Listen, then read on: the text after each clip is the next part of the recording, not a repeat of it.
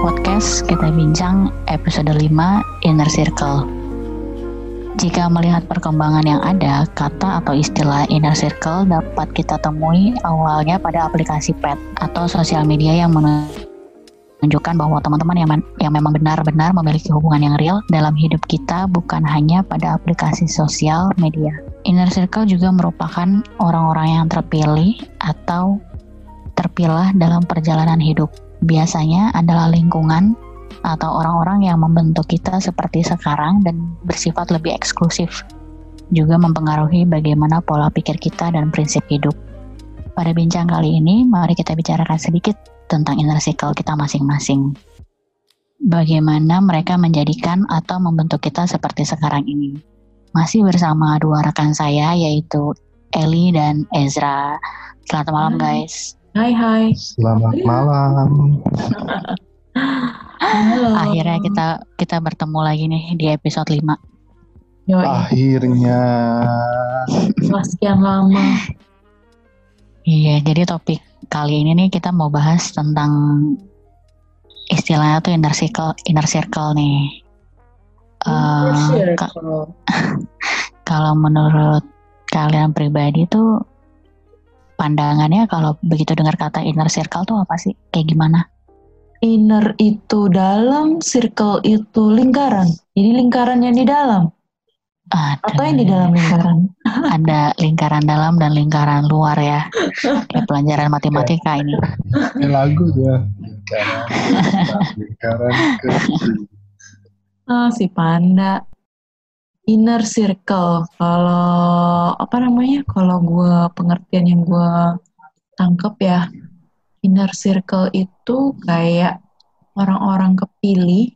Ini konteksnya ini ya uh, kayak di media sosial sih masihan jadi berangkat dari situ uh, orang-orang istilahnya orang-orang itu followers gue. Asik followers semacam banyak aja followersnya Followers itu artinya pengikut. Wah, pengikut. Anda sudah punya Anda sudah punya jemaat. Demikian. Jadi kayak followers-followers gue yang terpilih yang gue izinkan uh, untuk masuk ke satu lingkaran yang mana lingkaran itu khusus untuk sesuatu yang khusus. Misalnya, hmm. itu sih Misalnya hmm. kayak khususnya itu hmm, bikin story, tapi yang gue nggak pengen semua followers gue tahu. Jadi cuma orang oh. itu orang terpilih yang gue pilih, yang gue masukin di inner circle itulah yang uh, bisa ngelihat itu sih. Hmm, jadi contohnya kayak gitu ya. Mm, mm, jadi semacam orang yang pilih itu sih. Gitu. Oke, okay. kalau menurut Bapak Ezra gimana kalau Pak? Menurut, menurut gue mungkin gini ya, kalau inner circle itu memiliki kesamaan kali ya. Hmm. Kesamaan dengan match dengan pola berpikir kita mungkin. Oh, suka okay. dengan hal-hal yang ini, mungkin suka dengan yang cocok otomotif gitu ya? atau mungkin hmm. uh, suka dengan bidang uh, yang satu uh, ngulik perumahan atau suka dengan kulineri yang yang satu apa uh, sama-sama suka bedah rumah gitu ya? Uh, uh, bener. Banyak lah bedah bedah yang lain juga bisa. Ya begitulah. Uh, mungkin ada beberapa sifat yang mungkin pertama kan ada ada satu sifat yang harus nyambung dulu kan. Baru setelah itu mungkin uh, yang lainnya mungkin ada beberapa yang mungkin beda tapi kan ada sifat dasarnya ada satu yang nyambung aja dulu. Mm-hmm. Gitu. Iya sih kalau buat gue juga gitu sih. Kalau pandangan gue begitu dengar kata inner circle, inner inner circle. itu tuh yang yang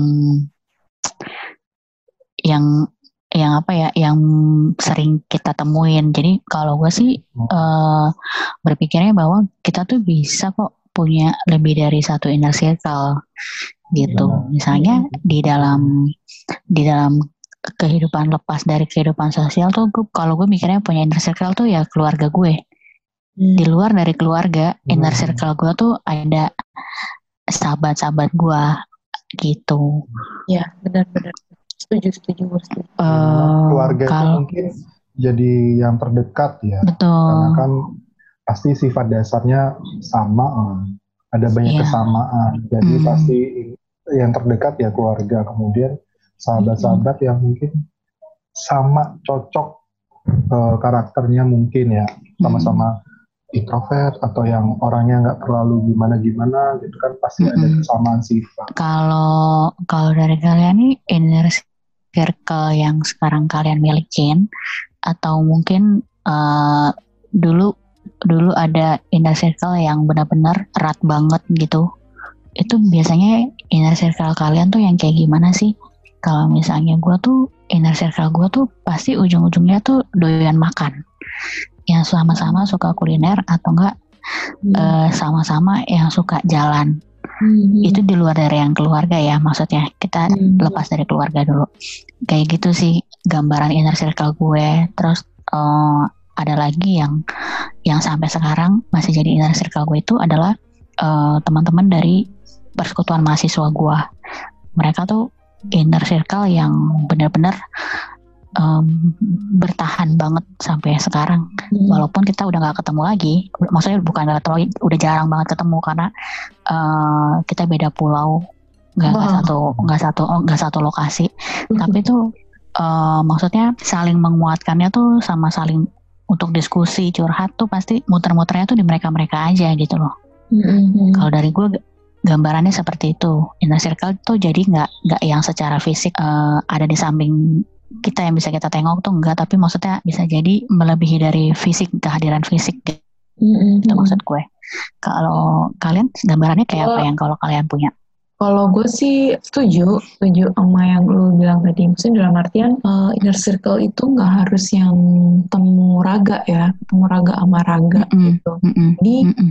Mm-mm. bahkan keluarga gue pun gue nggak bisa bilang itu inner circle gue karena Hmm. uh, ya maksudnya mungkin dalam hal tertentu iya, tapi nggak nggak semua aspek hidup gue itu inner circle apa keluarga gue itu masuk di inner circle itu gitu. Hmm. Itu sih. Jadi Mm-mm. kalau bisa gue tuh lebih ya, ke bisa arah- bisa bisa ya. Jadi kalau gue tuh lebih ke arah yang bikin, em, jadi ke yang inner, innernya guanya itu nyaman, itu inner circle gua gitu. Jadi kalau sekarang ini, misalnya ya kayak yang tahu kehidupan gua sebelumnya, dalam artian yang tahu pergumulan gua sehari-hari sekarang ini apa, terus tentang Mm-mm. pokoknya tentang tentang hidupnya pribadi gua gitu deh kayak misalnya sahabat gua gitu jadi bahkan itu pun eh, keluarga gua belum tentu gue masukin ke inner circle gue gua Mm-mm. gitu kan karena mereka belum nggak karena mereka nggak nggak ngerti gitu soal soal yang hidup gua secara pribadinya gitu kan Mereka nggak ngerti gue. Mereka bukannya mereka nggak ngerti gue tapi kalau gue gue mau ngejelasin lagi dari awal itu tuh oh iya. panjang gitu kan. Iya iya iya. Jadi lebih ke arah ke mereka yang udah eh, istilahnya tuh udah nemenin paham ya. selama perjalanan selama perjalanan hidup gue gitu. Jadi kayak temen-temen ya misalnya contoh nih sekarang kan gue di Jombang, tapi sekalipun gue di Jombang, tapi justru inner circle gue tuh di Bali masih ada, di Jakarta masih ada kayak lu gitu misalnya gitu-gitu sih. oke kalau dari bapak Isa gimana pak Ah iya, kalau gue seiring dengan waktu ya, jadi waktu waktu SMA itu mungkin inner circle gue ya sahabat-sahabat waktu SMA, mungkin makin nambah kali ya. Mereka masih tetap gue sama sahabat gue di SMA itu masih keep in touch sih sampai sekarang. Kadang terakhir itu berapa bulan yang dua sebulan yang lalu lah kita. Kemudian ketika gue kuliah bertemu dengan kalian-kalian ini dan menjadi inner gue waktu di Bali. Kemudian waktu di Surabaya lagi balik lagi gue ketemu teman-teman gereja ada beberapa temen yang gue anggap intens yang gue bisa ngobrol benar-benar ya tentang beberapa perbincangan agak pribadi ya ada saat itu jadi seiring dengan waktu aja sih. Jadi inner circle gue waktu SMA sampai sekarang juga masih ada dan kalian juga gitu. Oke, terus eh ini kan udah ada gambarannya ya. Kalau buat kalian sendiri tuh dampaknya inner circle kalian tuh kayak gimana? Sampai menjadi diri kalian yang sekarang. Entah misalnya inner circle yang sekarang lagi ada ataupun yang dulu pernah ada tapi impactnya tuh sampai sekarang tuh ada gitu Jadi, nih misalnya kalau misalnya Hmm. kalau misalnya masih masih masih belum ada gambaran dari gue nih dari gue dulu jadi kalau misalnya inner circle yang tadi gue bilang itu adalah yang yang dari zaman masa kuliah sampai sekarang masih eh, tetap masih tetap berhubungan. Eh, mereka tuh ngerubah gue untuk eh, mereka tuh merubah gue tuh semakin berpikiran terbuka. Maksudnya gue yang dulu itu waktu semasa sebelum kuliah, maksudnya tuh eh kayak bukan egois sih, tapi maksudnya tuh cuek banget gitu. Kayak orang mau juga berbalik di depan juga masa bodoh gitu kan. Tapi eh, lewat mereka tuh gue belajar untuk saling peduli dan sampai membentuk gue yang sekarang ini adalah kayak apa sih? Maksudnya kita tuh harus saling mengencourage se- eh, sesama temen gitu loh. Jadi kayak merubah pemahaman gue tuh bahwa kalau orang temenan sama gue mereka tuh harus dapat bukan dapat sesuatu tapi maksudnya tuh kayak gue tuh bermanfaat buat dia gitu loh bukan cuman secara harta atau apa tapi maksudnya tuh secara secara karakter tuh saling membentuk kayak kayak gitu Mm. itu yang pemahaman sampai sekarang tuh gue jalanin gitu nah kalau dari kalian contohnya ada nggak Gue sih kurang lebihnya, kurang lebihnya itu juga ngarahnya ke arah situ sih. Jadi lebih ke arah pengembangan karakter ya ilah udah kayak ini ya. Mm, mm, mm. istilahnya berat banget ya Istilahnya tuh kayak ini. eh, kita lagi ada di seminar HRD gitu loh. pengembangan karakter coy. Buat karyawan. untuk jen- untuk jenjang karir yang lebih mumpuni Tapi untuk emang masa iya depan sih. yang lebih cerah gitu Tapi emang iya sih, maksud gue eh, setelah dampak inner circle gue yang pertama kali ada, maksudnya yang pertama kali ada itu kan gue semasa kuliah gitu kan, kan kuliah itu kan masa-masa kita membentuk jati diri gitu kan, di situlah muncul inner circle kita gitu, di situ kebentuk, jadinya pas ketemu sama komunitas yang lain, terus ada inner circle yang lain lagi, jadinya gue ngerasanya tuh kayak gue sebelumnya yang udah saling ngebentuk karakter yang di sini harusnya juga sama dong. Jadi kayak seolah-olah itu kayak jadi habit jadinya kayak Hmm, kalau ada jadi temen fondasi lu gitu ya. Ah, betul. Jadi kalau ada teman lama banget yang baru ketemu gitu terus eh, sharing tentang sesuatu dan itu tuh kayak gue bisa gue sebenarnya bisa ngebantu dalam artian ngebantu itu cuma ngebantu mendengarkan atau ngebantu kasih komentar gitu ya bukan kasih solusi. Itu tuh Mm-mm. di situ tuh kayak udah udah ngebantu banget gitu loh buat dia gitu. Jadi di situ kan akhirnya kita saling ngebangun karakter kan di situ apa ini dampaknya inner circle-nya gua gitu. Jadi saling gimana eh, kita itu saling ngebentuk satu sama lain juga. Ya lebih ke arah karakter kurang lebihnya sama sih. Kalau dari Ezra? Kalau gue ini lebih ke ya benar sih sama untuk pembangun karakter ya. Jadi di sini tuh ada beberapa kayak kita kan berteman, maksudnya ada beberapa pasti ada yang toxic gitulah istilahnya dalam arti Hmm, eh, hmm. gimana caranya kita supaya teman satu teman yang membuat toxic ini jangan sampai eh, beberapa teman-teman yang lainnya ini jadi menjauh dari dia tapi gimana caranya supaya kita juga tolerable lah sama sama Hmm. anak ini gitu loh kadang itu yang gue pelajarin sih jadi ketika selama berada di inner circle itu gue sama sama teman-teman gue juga bilang ah gue kadang kan kayak egoisan kita ya udahlah itu kan urusan dia gitu Mm-mm. tapi di mana Mm-mm. teman-teman gue satunya lagi ya udahlah nggak usah lah kita kita saling apa ya ketika dia mungkin eh, marah atau apa sama kita walaupun kita keadaannya benar ya kita kita juga tetap harus istilahnya ya eh, lebih legowo lebih memaafkan dan segala macam lah lebih ya udahlah kita sama-sama teman ini gitu udah temenan udah lama udah mengetahui karakter dia seperti ini kayak gitu gitu sih pelajaran jadi nggak semua teman-teman ya ada beberapa kan pasti dalam inner circle itu juga ada beberapa teman yang sifatnya berbeda gitu dan kita karena sudah udah lama ya jadinya udah paham karakternya jadi kita lebih mengalah di excuse sama terhadap sesuatu karena kita sudah sudah mengenal pengembangan karakternya sih ke situ. Jadi kita di mana kita egois kita itu ditekan dan segala macem lah. Jadi tuh eh kurang lebihnya pasti kalau dari tarik garis besarnya adalah pasti berimpact ya sama kita yang namanya inner circle itu. Hmm. Mm, mm, mm, pastinya sih. Nah, Iya. Hmm. eh terus ini nih akan lebih ke pendapat aja sih, nggak nggak nggak harus melalui pengalaman kalian. Hmm. Kalau menurut kalau menurut kalian inner circle yang ideal itu yang kayak gimana? Dan bisa contohin nggak yang seperti apa? Kalau dari gua sih contohnya kayak ADC ya kayaknya. Gengnya Cita. Gengnya Cita tuh buat gue ideal loh, serius. Gil banget tuh bener-bener Karena dari berbagai macam karakter, tapi lu saling support gitu kan. Mm, mm. Kayaknya kalau dilihat kelihat dari dari ininya kan kayaknya nggak mungkin nggak mungkin Bener. jadi temenan deh atau enggak nggak mungkin jadi sahabatan ya. Tapi eh, nutang ya itu kiblatnya sih gua rasa sih. Kalau dari generasi 90-an sih gua rasa kiblatnya tuh pertemanan tuh dari ADC ya gua rasa. Kalau dari gue itu sih. Kalau dari kalian kayak gimana?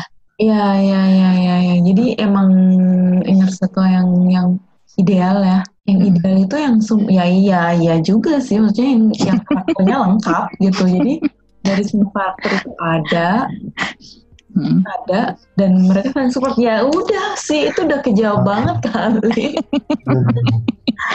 Itu udah udah udah ini banget udah cucok banget lah ya. bahkan Contohnya. bahkan iya bahkan apa namanya kalau ada yang kesusahan Enggak, enggak. Maksud Satu gue kalau ada yang person, apa itu antagonisnya gitu, itu sebenarnya nggak apa-apa gitu.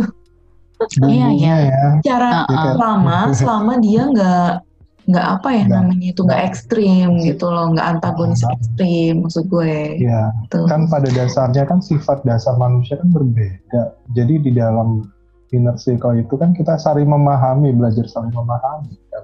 Satu dengan yang lain, excuse dengan satu. Ya, karena kita sudah lama, sudah mengenal. Itu walaupun dia ada sisi buruknya, tapi kan kita mendinai itu semua. Itu Sih. Sekarang balik lagi ke diri kita yang di di kondisi sekarang ini nih di masa yang sekarang.